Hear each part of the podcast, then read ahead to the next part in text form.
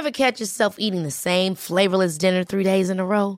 Dreaming of something better? Well, HelloFresh is your guilt-free dream come true, baby. It's me, Gigi Palmer.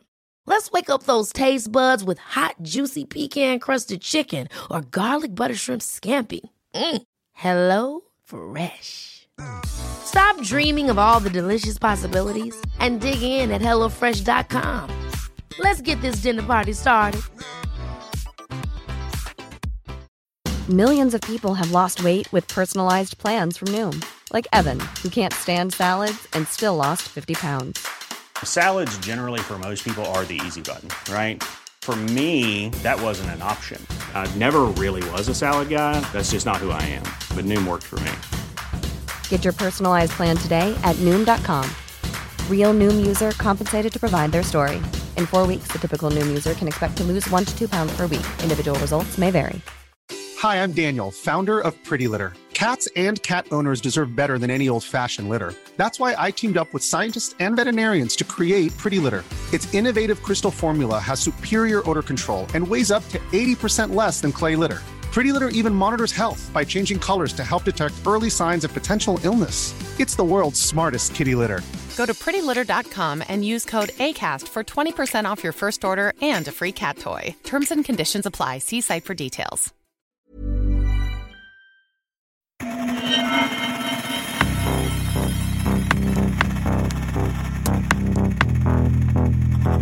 Expect more attacks on the government. They caused a lot of damage. On any computer crime, you want to look for the digital footprint. Dataintrång där interna handlingar läckte The ut. shadowy group behind the hacking attack on the Federal Reserve. Breaking into files. Beskriver dataintrången så mycket avancerade. This is just the beginning. We will respond, respond, respond, respond. Nätets mörka sida. Sanna historier om brottslighet på internet.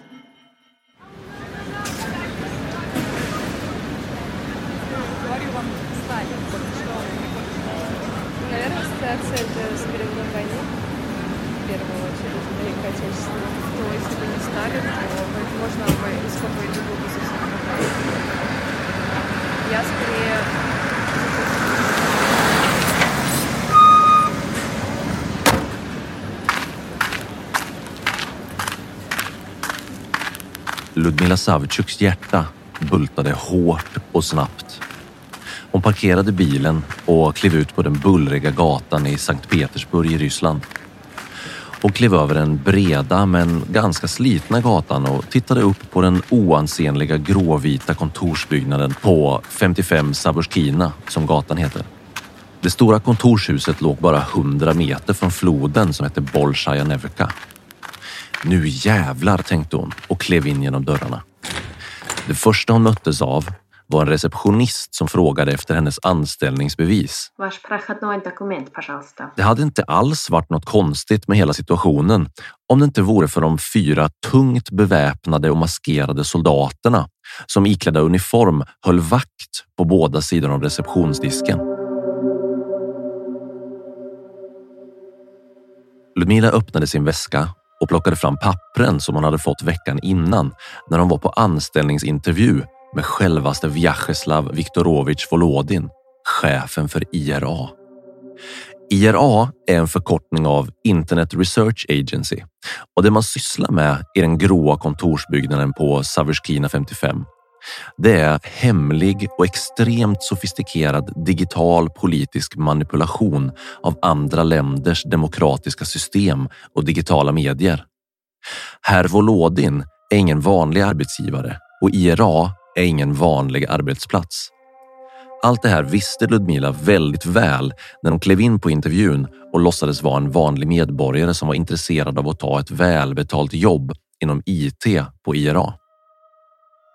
Tanken på att tjäna mellan 40 och 80 000 rubel i månaden är väldigt lockande för många underbetalda IT-tekniker.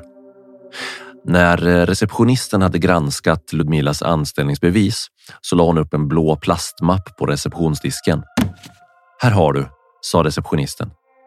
Det är första dörren till höger och sen är det nerför trappan. Ludmila tackade, plockade upp plastmappen från receptionsdisken och började gå ner för trappan. Trapphuset var mörkt, så när som på några mindre lampor på väggarna. Ju längre ner i trappan Ludmila kom, desto mer ökade det låga, vinande och surrande ljudet från det som fanns på andra sidan de stora tjocka ekdörrarna vid trappans slut. Utanför de stora trädörrarna stod ytterligare två soldater i full stridsmundering som kontrollerade innehållet i hennes blåa plastmapp. Sen öppnade de dörren och Ludmila klev in. Synen som mötte henne var häpnadsväckande.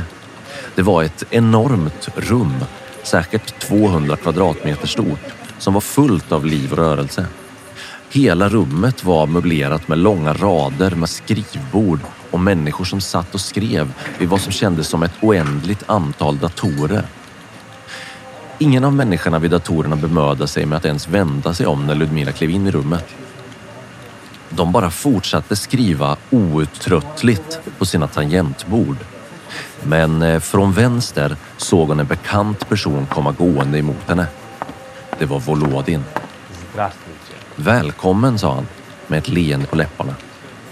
Här är dina uppgifter för dagen. Och så gav han Ludmila ett papper med ett antal punkter på. Volodin ropade till sig ytterligare en person som han presenterade som Illich och sen gick Volodin ut ur rummet. Illich, som hade en ganska bister uppsyn, visade Ludmila till en tom plats vid ett av skrivborden och så sa han kort Sätt igång. Och sen gick han iväg. Ludmila satte sig vid skrivbordet, tog ett djupt andetag och började läsa punkterna. Så här stod det. 1. Du ska göra 50 inlägg på engelska i diskussionsgruppen Christian Democrats United på Facebook. Alla dina inlägg ska kritisera Hillary Clintons valkampanj. Tryck särskilt på att hon inte är en äkta kristen. Du finner användaruppgifterna i den blå mappen. 2. Du ska tillsammans med Vladimir Olania på våning 3 starta det nya Instagram-skriptet och koppla det till hashtaggarna MAGA och hashtag build a wall. 3. Uppgifterna ska vara klara senast klockan 16 i eftermiddag. Rapportera till Illich på våning 4 när du är klar. Ludmilas hjärta fortsatte att dunka hårt i bröstet. För alla de andra arbetarna i trollfabriken så fortsatte arbetet som vanligt. Men Ludmila var inte där för att trolla i sociala medier. Hon var där för att avslöja allt. Hon var där för att hitta ledtrådarna och bevisen som ledde från de hemliga trollfabrikerna och rakt in i maktens korridorer i Kreml, hela vägen till Putin. Och nu var hon nära. I två månader arbetade sedan Ludmila 12 timmars skift i trollfabriken som utgick från kontorshuset på Savuskina 55 i Sankt Petersburg. I två månader samlade hon information om hur den ryska trollarmén med hjälp av inlägg i sociala medier, direktmeddelanden, fejkade nyheter och deepfakes systematiskt försökte destabilisera alla länder som vågade sätta sig upp mot Ryssland. Sen tog hon all den informationen och började skriva artiklar om det i lokaltidningarna i Sankt Petersburg fast under pseudonym. Men det dröjde inte länge innan hon demaskerades och hängdes ut i Kreml-kontrollerade medier. Och sen började hoten komma. Mot henne själv som person, mordhot, attacker i media och på sociala medier, men också hot mot hennes familj och släktingar. IRA har nu bytt namn till TEKA och de europeiska utrikes och säkerhetsmyndigheterna uppskattar att det finns åtminstone ett 30-tal trollfabriker som den som Ludmila jobbade på runt om i Ryssland. Och Kreml, ja, de förnekar all inblandning såklart. För att vara helt ärlig så vet inte vi vad det här företaget är för något och det har aldrig funnits något samarbete med det överhuvudtaget, sa Kremls talesman Dmitrij Peskov när han fick frågan om han kände till trollfabriken av en journalist. Det här är nätets mörka sida med mig, Marcus Borsklev.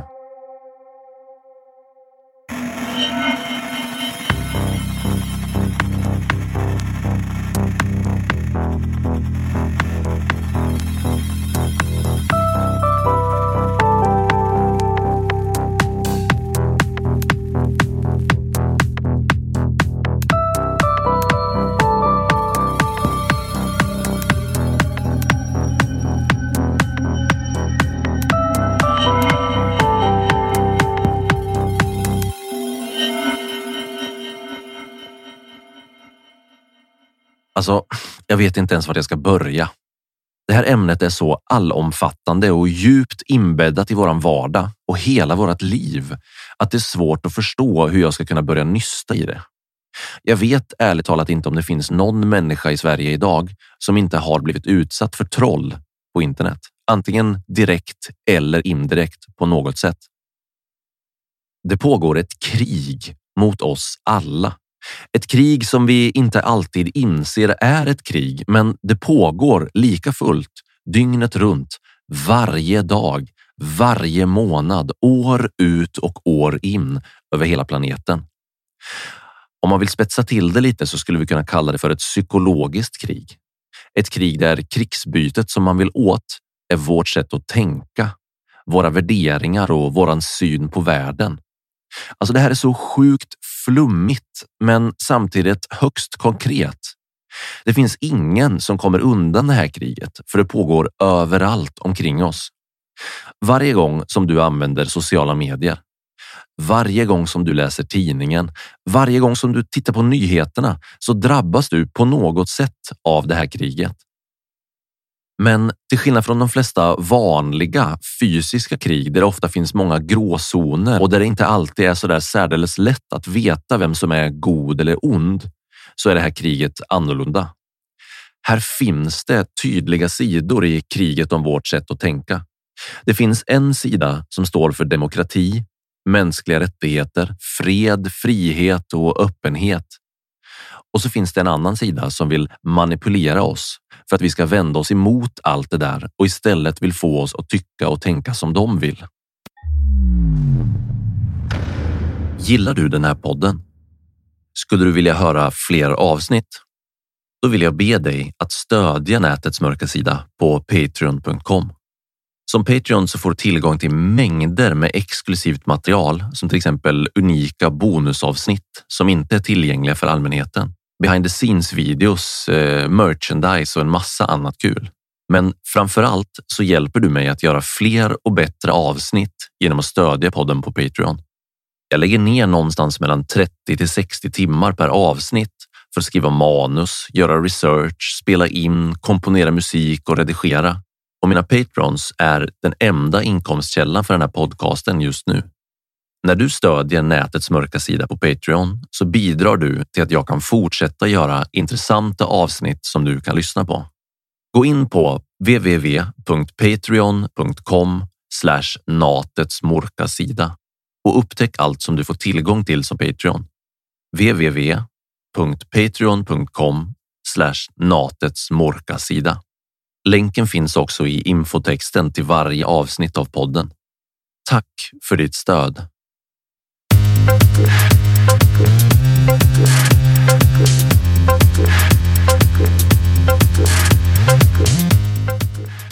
Men vänta lite här nu. Stopp nu en sekund, säger självklart vän av ordning. Är det inte helt vanlig propaganda som du pratar om egentligen? Det är väl inget nytt överhuvudtaget att stater och organisationer med onda avsikter försöker påverka oss genom att sprida illvillig propaganda, eller? Nej, självklart har du rätt i det. Propaganda är inget nytt. Men det som är nytt är att hela våran värld och hela mänsklighetens sätt att kommunicera och ta till sig idéer, värderingar och fakta har förändrats totalt på bara några årtionden. Och det har också propagandan gjort. Den har gått från att vara övertydligt uppenbar som de leende arbetarna på fälten under kulturrevolutionen i Kina och de gamla sovjetryska affischerna som framställde Lenin och Stalin som någon slags starka frihetskämpar som stod på folkets och rättvisans sida istället för att kallblodigt mörda många miljoner oskyldiga människor till att bli inbäddad och maskerad gömd bakom en fasad av vanliga människor och mycket mindre uppenbar. Det är betydligt svårare att förstå vad det är som egentligen händer när till exempel ett nättroll från den nazistiska gruppen Granskning Sverige skriver under pseudonym i kommentarsfältet på Instagram att ja, det är säkert invandrare som ligger bakom allt. Än när man ser en propagandafilm från gamla Sovjet om att man kan lita på kamrat Stalin.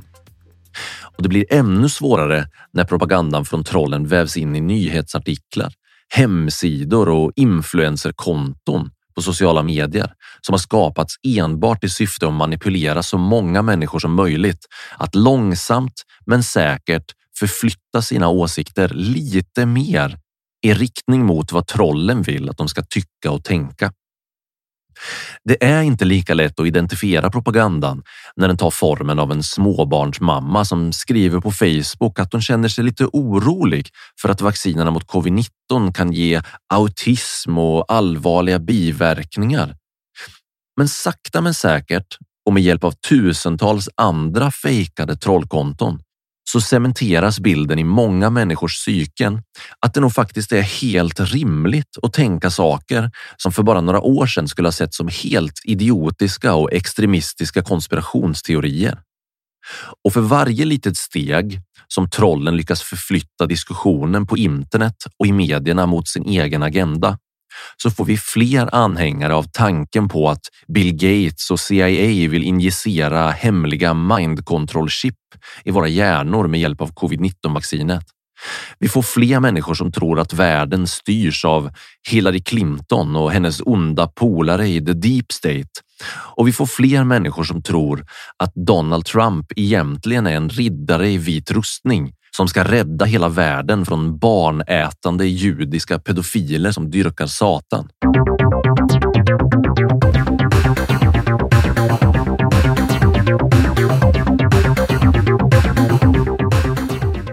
Och en av de mest oroväckande sakerna med det här, det är att många ungdomar fastnar i trollens fällor på nätet. Ungdomsbarometerns undersökningar visar att det blir fler och fler ungdomar för varje år som faktiskt går på trollens konspirationsteorier. Bo Jansson på Lärarnas riksförbund menar att dagens elever är ett öppet mål för eh, mörka fientliga krafter som vill destabilisera vårt samhälle. Och han har rätt. Varför? Av den enkla anledningen att källkritik och kritiskt tänkande blir viktigare och viktigare samtidigt som människor blir sämre och sämre på det. Visst låter det sjukt? Men lyssna på det här. I en studie från Göteborgs universitet på 16 till 19-åringar i Sverige så visade det sig att de eleverna som kände sig mest självsäkra på att de var bra på digital källkritik på nätet i själva verket var de sämsta av alla. Nio av tio elever i den här studien kunde inte ens skilja riktiga nyheter från reklam och propaganda på nätet. Visserligen så är vi vuxna inte heller något vidare bra på källkritik, särskilt inte digital källkritik. Tro det eller ej, men vi vuxna, alltså vi över 20, är faktiskt ännu sämre än ungdomarna när det gäller att sålla kritiskt bland digitala källor.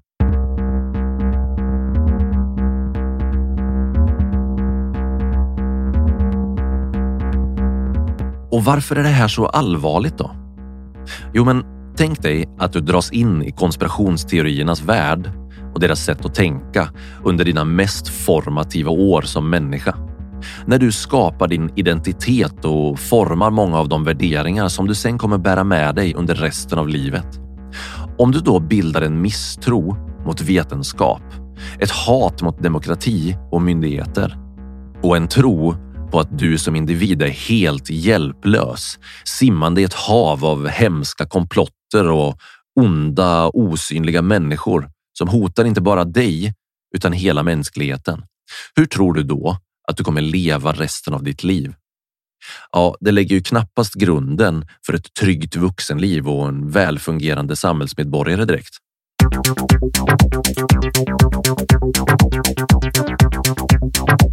Men vi behöver gå tillbaka till trollens ursprung om vi ska kunna få något grepp om det här.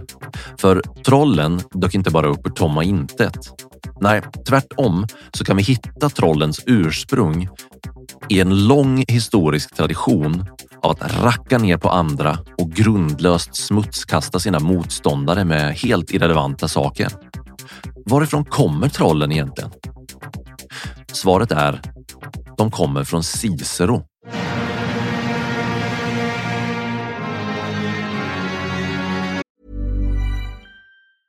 Hey, I'm Ryan Reynolds. Recently, I asked Mint Mobile's legal team if big wireless companies are allowed to raise prices due to inflation. They said yes. And then when I asked if raising prices technically violates those onerous two year contracts, they said, What the f are you talking about, you insane Hollywood ass? So to recap, we're cutting the price of Mint Unlimited from $30 a month to just $15 a month. Give it a try at mintmobile.com slash switch. $45 up front for three months plus taxes and fees. Promo for new customers for limited time. Unlimited more than 40 gigabytes per month. Slows. Full terms at mintmobile.com. Hi, I'm Daniel, founder of Pretty Litter. Cats and cat owners deserve better than any old-fashioned litter. That's why I teamed up with scientists and veterinarians to create Pretty Litter. Its innovative crystal formula has superior odor control and weighs up to 80% less than clay litter. Pretty Litter even monitors health by changing colors to help detect early signs of potential illness. It's the world's smartest kitty litter. Go to prettylitter.com and use code ACAST for 20% off your first order and a free cat toy. Terms and conditions apply. See site for details.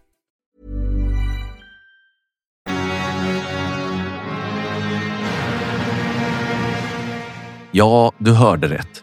Marcus Tullius Cicero, retorikern och politikern från romarriket. Han var det ursprungliga nättrollet. Alltså, låt mig förklara. Även om Cicero inte i ett strikt tekniskt perspektiv använde internet så verkade han inom ett sorts nätverk där han drog till sig andra senatorers ögon i Rom med sin berömda gyllene tunga. Och han skapade ett nätverk av inflytande som på den tiden var större än allt du kan åstadkomma idag med en ethernetkabel. Cicero är känd för att ligga bakom flera av de största reformerna någonsin inom romarriket. Det var han som låg bakom bygget av akvedukterna. Det var han som såg till att stadshuset restes i Rom och det var han som gjorde mängder av andra stora reformer möjliga genom sitt politiska inflytande. Men framför allt så var Marcus Tullius Cicero ett riktigt rejält troll som ständigt påminde sina politiska kamrater om deras brister och felaktigheter samtidigt som han hånlog och drack enorma mängder vin. Han smög bakom ryggen på sina politiska motståndare. Han spred illasinnade rykten och manipulerade allt han kom åt för sin egen vinning. Och eftersom han var lysande retoriker så visste han precis vad han skulle säga för att få igenom sin vilja. Cicero avskydde, precis som de moderna nättrollen, all auktoritet. Han är liksom urfadern till politikerföraktet, trots att han själv stod nersjunken upp till öronen i politikens mitt. Som advokat lyckades han fria en mördare som var skyldig genom att använda sina kunskaper om retorik. Och senare i livet så tog han i många av sina tal upp kampen mot självaste Julius Caesar. Och som en röd tråd genom hans, eh, visserligen på många sätt ganska genialiska retorik, så löper smädandet av Ciceros motståndare. Den subversiva propagandan för hans egen agenda. Och det är just det som gör honom till det första trollet. Att han använder just propaganda och retorik bakom kulisserna för att övertyga både folket och andra politiker om att han var den enda som satt inne på sanningen och att alla andra var tölpar som hade fått allt om bakfoten. Cicero kom att för alltid förändra hur folk pratade om och med varandra i offentliga forum.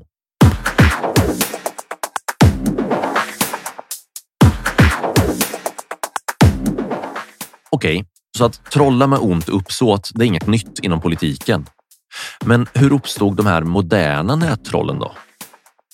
I datorsammanhang så började uttrycket trolling användas redan i slutet av 80-talet för att beskriva beteendet att folk hävde ur sig osakliga eller provocerande kommentarer i internetforum för att se om någon svalde betet och började gå i försvar om hur trollet hade missförstått allt.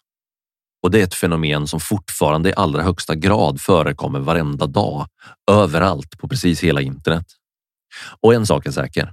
Det går inte att vinna mot ett troll i en diskussion. Men troll som förstör diskussioner, det är bara toppen av isberget. Det är bara en pytteliten del av allt som vi idag läser in i begreppet troll. Här ryms allt från elaka kommentarer om invandrare på Facebook till regelrätta cyberkrigskampanjer på sociala medier som syftar till att omstörta länder och störa demokratiska val.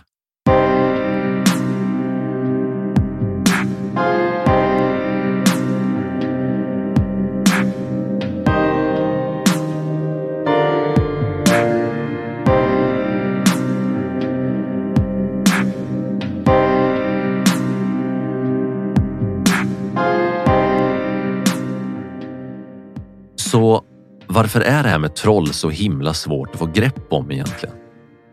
Ja, det som gör det här lite extra krångligt är att det inte finns en enda gemensam fiende som vi kan vända oss mot. Nättrollen och deras verksamhet kommer inte bara från arga nazister i Sverige eller Qanon-anhängare i USA. Det är ett globalt fenomen som inbegriper allt från statsavlönade arbetare i ryska trollfabriker till kinesiska hackare och politiska partier och helt vanliga människor. Men de har några saker gemensamt, även om deras agenda och deras politiska mål kan skilja sig åt. Trollens verksamhet är systematisk. Det finns en tanke bakom och en strategi i det som de ägnar sig åt. De försöker påverka opinionen och gradvis föra fram sina egna synsätt som det enda rätta. De vill underminera trovärdigheten hos demokratin, hos politikerna och hos medierna. Säkerhetsspecialisten Edward Lucas kallar nättrollens verksamhet för en långsamt frätande systemkritik som syftar till att skada tilliten i demokratiska samhällen. Ja, det är inga små ord. News in Santa Barbara County, a gunman went on a mass shooting. One occupant, a male wearing a white shirt, who was firing as he drove by. These young men often feel like they are owed sex. The group name that you've probably never heard of before, incels or involuntary celibate. Tomorrow is the day of retribution. The day in which I will have my revenge against humanity, against all of you. This chilling video shows Elliot Roger, the 22 year old Santa Barbara college student who police say killed six and injured 13 in Friday's mass shooting and stabbing spree. This day of retribution, a plan Roger outlined in a 137 page manifesto. Roger wrote, All of those beautiful girls I've desired so much in my life, but can never have because they despise and loathe me, I will destroy. Jag kan inte göra ett avsnitt om troll utan att nämna incels. Även om incels inte nödvändigtvis måste vara samma sak som troll så finns det definitivt många incels som är just troll. Och incels är ett växande hot mot oss alla. Så här beskriver FOI, Försvarets forskningsinstitut här i Sverige, begreppet incels. Själva termen incel är en förkortning av involuntary celibacy. På svenska så betyder det ofrivilligt celibat.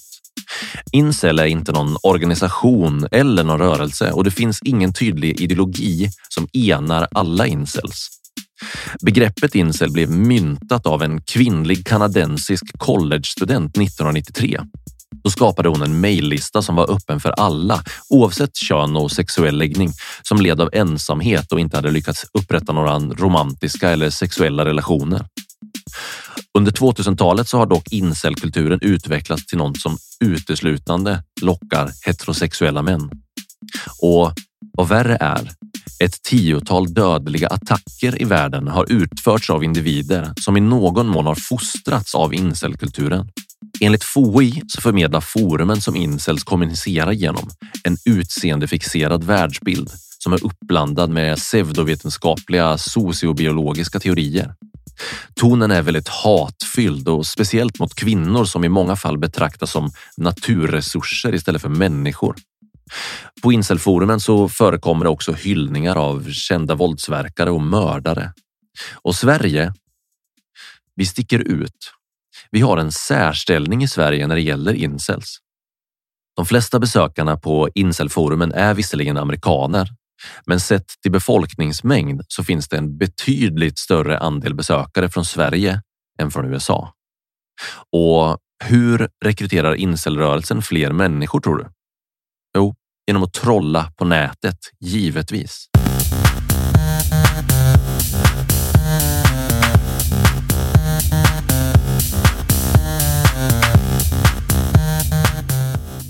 Inceltroll som hatar kvinnor och feminister på Facebook, det är en sak och den är potentiellt förödande i sig eftersom den leder raka vägen till terrordåd och våld mot kvinnor. Men statsunderstött trollande är något helt annat. Att trolla på nätet det är big business, även internationellt mellan nationalstater, men också för företag. East Stratcom Task Force är en del av den europeiska utrikestjänsten inom EU som granskar desinformation från andra länder. De har jobbat med att sålla informationsflödet på internet sedan åtminstone 2010 och det som de har hittat det är häpnadsväckande otäckt. Ryssland och Kina och Nordkorea med flera försöker med alla medel de kan att påverka diskussionen i europeiska medier, i europeiska val och på sociala medier i Europa. De försöker på ett högst organiserat och strukturerat sätt få oss att tycka som de vill. Och de gör det genom att påverka diskussionen, både i våra traditionella nyhetsmedier, men kanske framför allt genom psykologisk krigsföring. Läs trollande i sociala medier. Så vad är det som Putin och Xi Jinping och de andra egentligen vill göra? Ja, de vill nog egentligen göra det som alla män med mycket makt alltid har velat göra genom historien. De vill skydda och behålla sin egen makt och de vill utvidga den. Och hur gör man det på bästa sätt? Jo, genom att demoralisera och destabilisera sina fiender såklart. Putin vill inte störta regeringarna i EU. Han vill förmodligen inte ens invadera eller ta över några länder i EU, i alla fall inte på kort sikt och det vill inte Xi Jinping heller. Men de vill destabilisera oss och de vill med nättrollens hjälp se till att vi bråkar inbördes. Varför? Det är egentligen ganska enkelt. Ett svagt EU som bråkar internt är inget hot mot Putins Ryssland eller Xi Jinpings Kina. Hela syftet med Rysslands och Kinas trollfabriker är helt enkelt att undergräva de folkvalda regeringarnas trovärdighet i EU-länderna och USA. Att styra diskussionen åt det håll de själva vill. Bort från missförhållanden och kränkanden av mänskliga rättigheter och vanstyre och maktfullkomlighet i deras egna länder. Och det fungerar väldigt bra.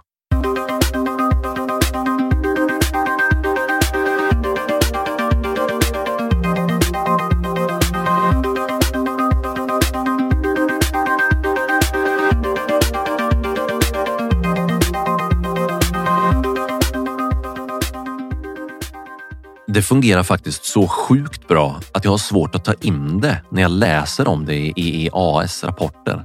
Men så här är det.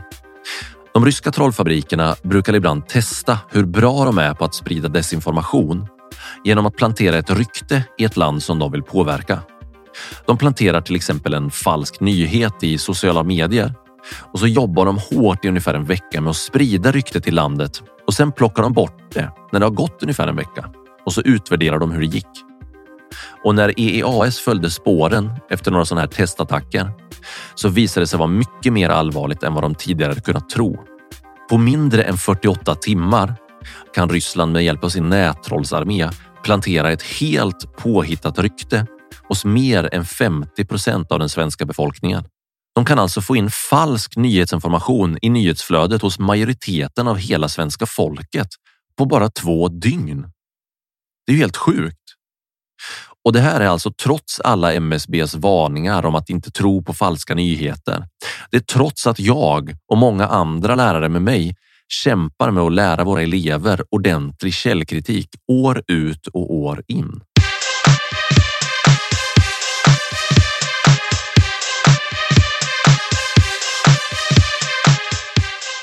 Det står ganska klart att Putins Ryssland är den främsta kraften som vill använda internet för att destabilisera Sverige och EU. Men Kina är inte långt efter.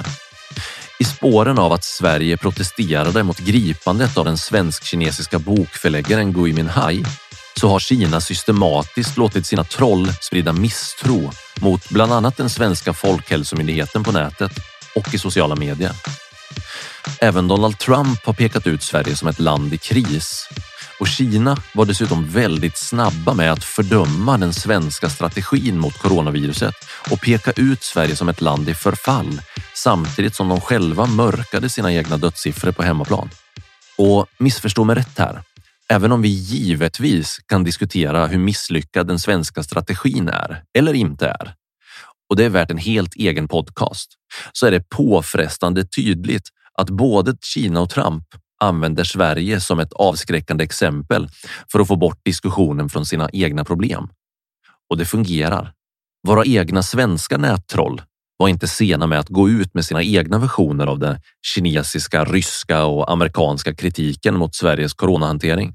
Och under hela pandemin så har hoten och hatet från både höger och vänsterextrema grupper mot regeringen och Folkhälsomyndigheten eskalerat otroligt mycket. Nu har det gått så långt att många tjänstemän på Folkhälsomyndigheten har tvingats in i dygnet runt bevakning och polisskydd efter den veritabla hatstormen mot dem på internet. Och det här gäller inte bara politiker och tjänstemän som säger sånt som inte nättrollen gillar. Det gäller även forskare. En professor på Karolinska institutet har nu helt slutat att både forska och debattera om covid-19 efter att han har utsatts för en hatkampanj på sociala medier som slutar med verkliga mordhot för att hans studier inte visade de resultaten som nättrollen ville höra. Och det är ingen slump att nättrollen har breddat sina attacker till att inte bara omfatta politiker utan även tjänstemän och forskare. De är ju viktiga symboler för den svenska politiken och den svenska strategin och därför så ses de som helt legitima mål att attackera.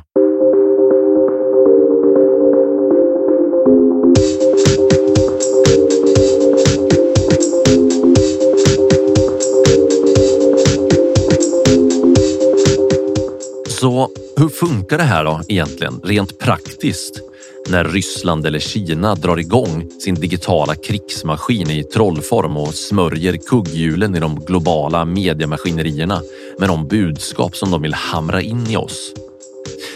De använder trollfabriker och en trollfabrik är enligt Nationalencyklopedin en verksamhet med syfte att påverka samhällsdebatten genom spridande av desinformation på internet och i sociala medier.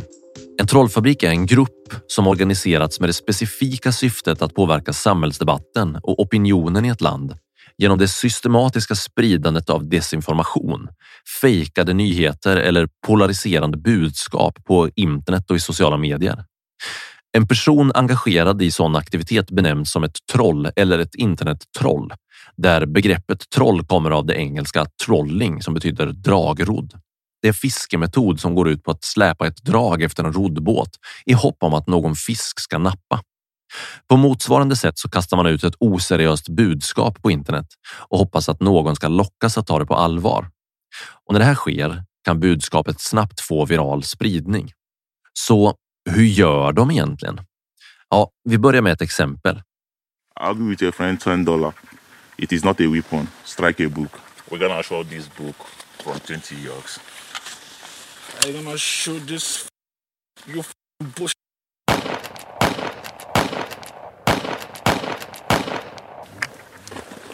So let's see what a mess we can got from the first shot. Wow, this is a boat.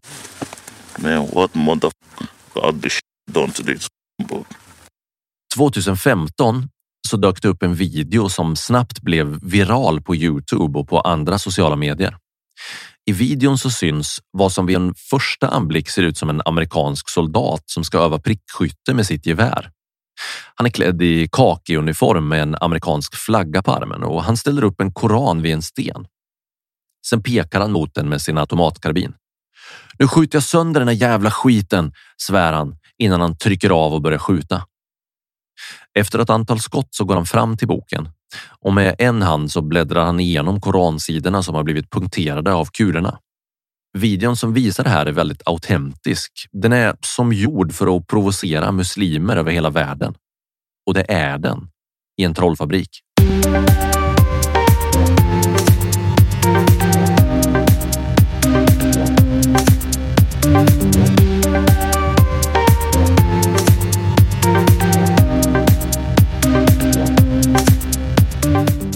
I sin enklaste form så använder trollfabrikerna bottar, alltså automatiserade skript och liknande program som pumpar ut automatiserade inlägg i sociala medier och traditionella mediers kommentarsfält.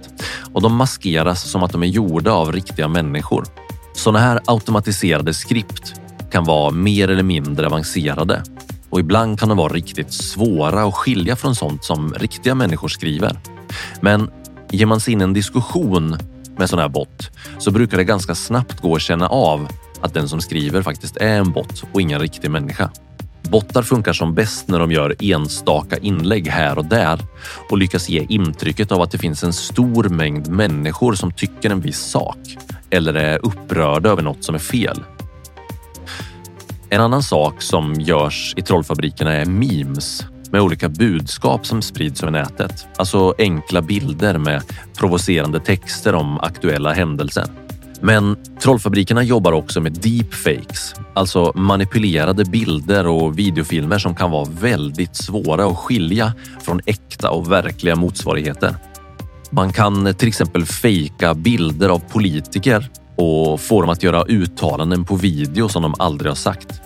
Och sådana här deepfakes kan få ganska stort genomslag, särskilt om de koordineras med andra aktörer som hackers, politiker och företag som driver samma agenda. Men det finns fler saker som trollfabrikerna gör. De producerar enorma mängder falska nyheter som sprids både via hemsidor, men framför allt i form av länkar på sociala medier och i forum på internet. Och den sista och kanske mest svåridentifierade verksamheten som bedrivs på de här organiserade trollfabrikerna. Det är när det faktiskt sitter riktiga människor och gör handskrivna inlägg utifrån den agenda som de har blivit beordrade att promota. Det finns alltså människor som jobbar heltid med att sitta i andra länders sociala medier och diskussionsforum för att enbart skapa misstro och destabilitet genom att göra hatfulla och manipulerande inlägg.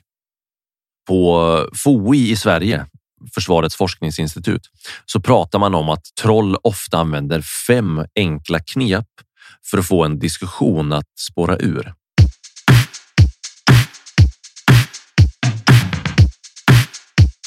1. De går till attack. Enkla personangrepp vinner ju inte några diskussioner, men det kan göra dem så obehagliga att meningsmotståndaren inte vill delta nästa gång. Och på så vis så förändrar trollen successivt spelplanen till sin egen fördel. De får inget motstånd. 2. De gillar etiketter.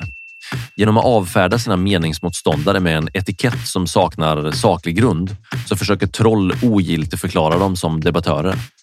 Tillmälen som kulturmarxisterna eller PK-eliten eller brunhögen kan fungera på det här sättet. 3. De antyder saker. När ett troll exempelvis skriver om ensamkommande flyktingbarn inom situationstecken barnen så vet trollet precis hur det här uppfattas av publiken. Samtidigt som trollet inte uttalat påstår att barnen ljuger om sin ålder. Poängen görs utan att det finns något påstående att bemöta. 4.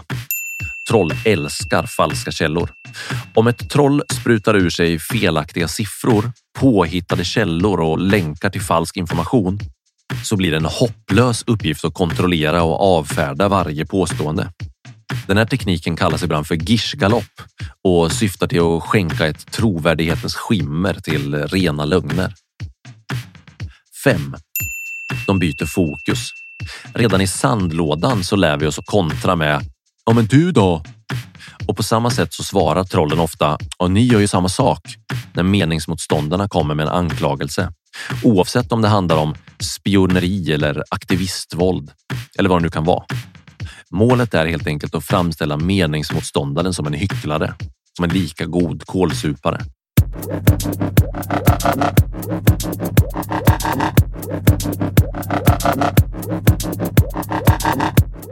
De första riktigt stora trollen som blev avslöjade internationellt var några ryska trollfabriker som dök upp i mitten av 2000-talet när Putin-lojala politiska aktivister blev ertappade med att ha tagit emot pengar för att smutskasta den egna ryska oppositionen på internetsidor, bloggar och i medierna. 2016 kom nästa stora avslöjande när den amerikanska säkerhetstjänsten avslöjade hur den numera ökända ryska trollfabriken IRA, Internet Research Agency, hade spridit förfalskade nyheter om kandidaterna i det demokratiska partiet i USA. i synnerhet Hillary Clinton, för att öka polariseringen i amerikansk inrikespolitik. Och listan över trollfabriker som har blivit avslöjade slutar inte där. I Kina har det läckt dokumentation som visar att det finns mer än 100 000 aktivister som får lön från staten för att angripa Kinas politiska motståndare på nätet, både på hemmaplan och utomlands.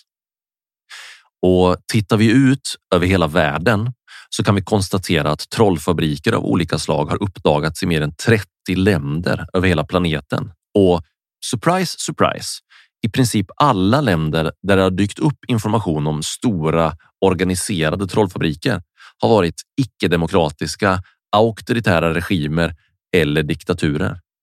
Det finns också trollfabriker som inte bara är ute efter att sprida desinformation. I Makedonien till exempel så avslöjades flera bolag som spred lögner i form av fejkade nyheter för att kunna tjäna pengar på klicken.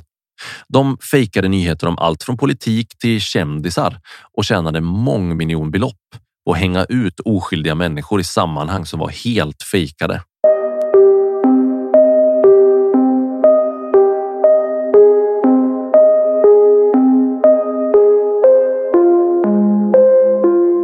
Bill Gates up with that little chicken neck. You know how he walked like ah, like a demonic elf. Hey, Bill Gates. That's Hillary. Hold on, I'm Gary Johnson. Hi, this is Barack Obama without my teleprompter.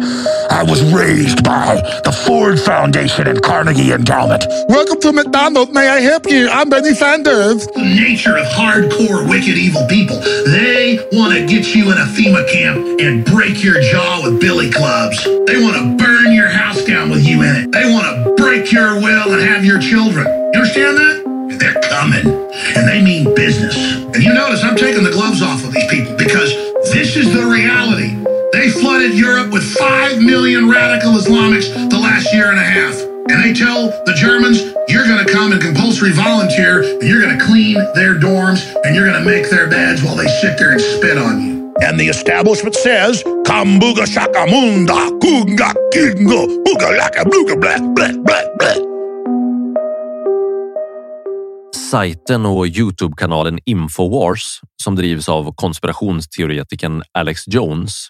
Den har hållit på sedan 1999 och spridit i princip alla konspirationsteorier som finns och otroliga mängder med fejkade nyheter. Och märkligt nog så finns det väldigt ofta inslag i Alex Jones videos där han säljer produkter som ska skydda mot allt som han säger är livsfarligt. Och publiken uppmanas att köpa allt från magiska kosttillskott till strålningsskydd mot rymdödlorna som vill ta över världen. Så trollande handlar inte bara om politik. Det handlar också om pengar.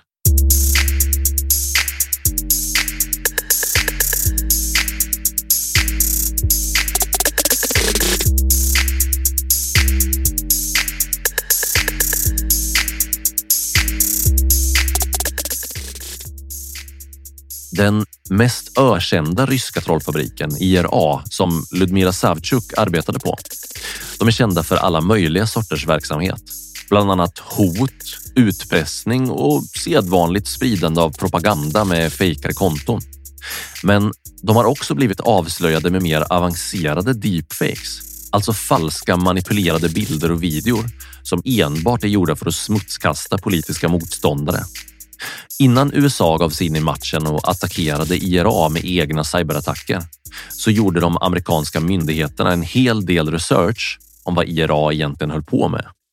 Och bara i de rapporterna så granskade de 10 miljoner tweets, över 200 000 Instagraminlägg, uppemot 100 000 Facebookinlägg och mer än 1000 fejkade filmklipp som IRA hade laddat upp. Och allt detta hade de gjort inom loppet av ett enda år. Det säger ändå någonting om vilken omfattning det här handlar om, eller hur?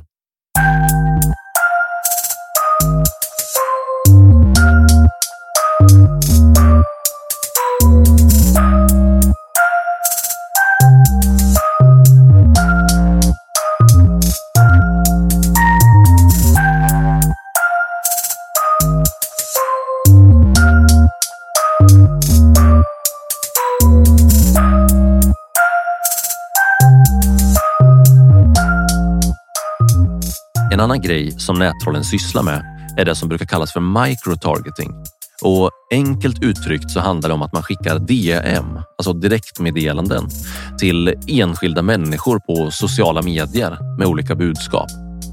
Inför presidentvalet i USA 2016 så fick tiotusentals amerikanska kristna väljare meddelanden på Facebook och Instagram från trollfabriker med fejkade konton som talade om för dem att Hillary Clinton inte alls var kristen och att hon samarbetade med djävulsdyrkare i hemlighet.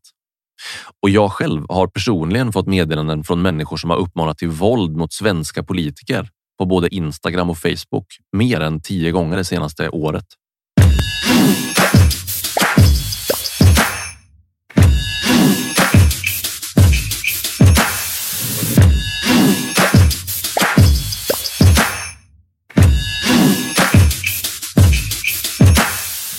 Så hur ska vi kunna skydda oss mot trollen? Det finns inget enkelt svar på den frågan. Det finns ingen magisk formula som löser problemet, men det finns några saker som står mellan oss och trollen. I Sverige har vi Myndigheten för samhällsskydd och beredskap som sysslar med psykologiskt försvar. Och det finns även ganska långtgående planer på en helt ny myndighet för psykologiskt försvar. Och inte minst så finns det ett gäng saker som du kan göra själv för att undvika att dras med i trollens propaganda. Om du upptäcker ett konto som är fejk, anmäl det då. Det är mot användarreglerna på alla sociala medier att använda fejkkonton. Tänk efter både en och två gånger innan du köper information som du läser, alldeles oavsett vart du läser det. Men särskilt om du stöter på tvärsäkra påståenden om politik och nyheter på sociala medier. Du kan jämföra information från suspekta konton med sånt som sägs i etablerade medier och i seriös forskning. Om någonting verkar för otroligt för att vara sant så är det oftast det. Om du träffar på något konstigt i sociala medier hos en annan användare, undersök källan till informationen.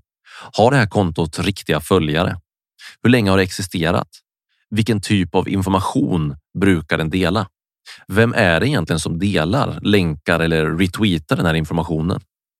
Och om du stöter på en fejkad nyhet, sprid information om den till andra och avslöja trollen. Det finns inget bättre sätt att stoppa pågående desinformationskampanjer än att uppmärksamma att de just är fejk.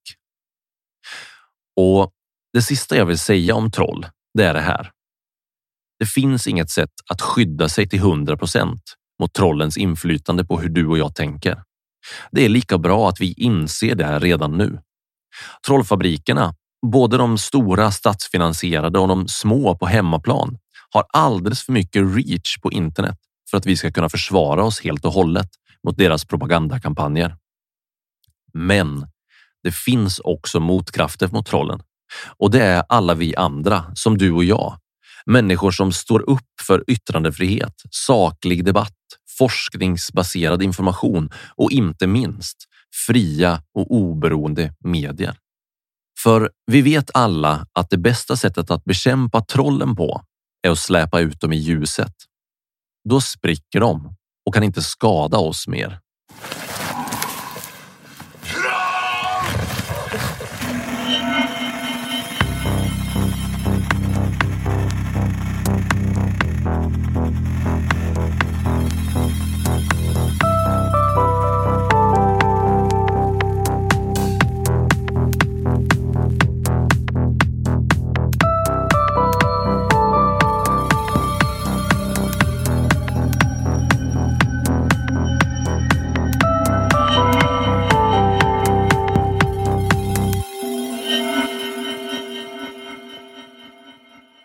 Du har lyssnat på Nätets mörka sida med mig, Marcus Borskle. Have catch yourself eating the same flavorless dinner three days in a row?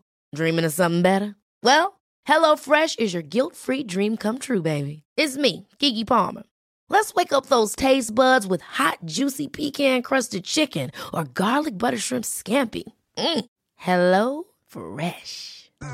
Stop dreaming of all the delicious possibilities and dig in at HelloFresh.com. Let's get this dinner party started. Hi, I'm Daniel, founder of Pretty Litter. Cats and cat owners deserve better than any old fashioned litter. That's why I teamed up with scientists and veterinarians to create Pretty Litter. Its innovative crystal formula has superior odor control and weighs up to 80% less than clay litter. Pretty Litter even monitors health by changing colors to help detect early signs of potential illness. It's the world's smartest kitty litter. Go to prettylitter.com and use code ACAST for 20% off your first order and a free cat toy. Terms and conditions apply. See site for details. When you make decisions for your company, you look for the no brainers. If you have a lot of mailing to do, stamps.com is the ultimate no brainer. Use the stamps.com mobile app to mail everything you need to keep your business running with up to 89% off USPS and UPS. Make the same no brainer decision as over 1 million other businesses with stamps.com. Use code PROGRAM for a special offer. That's stamps.com code PROGRAM.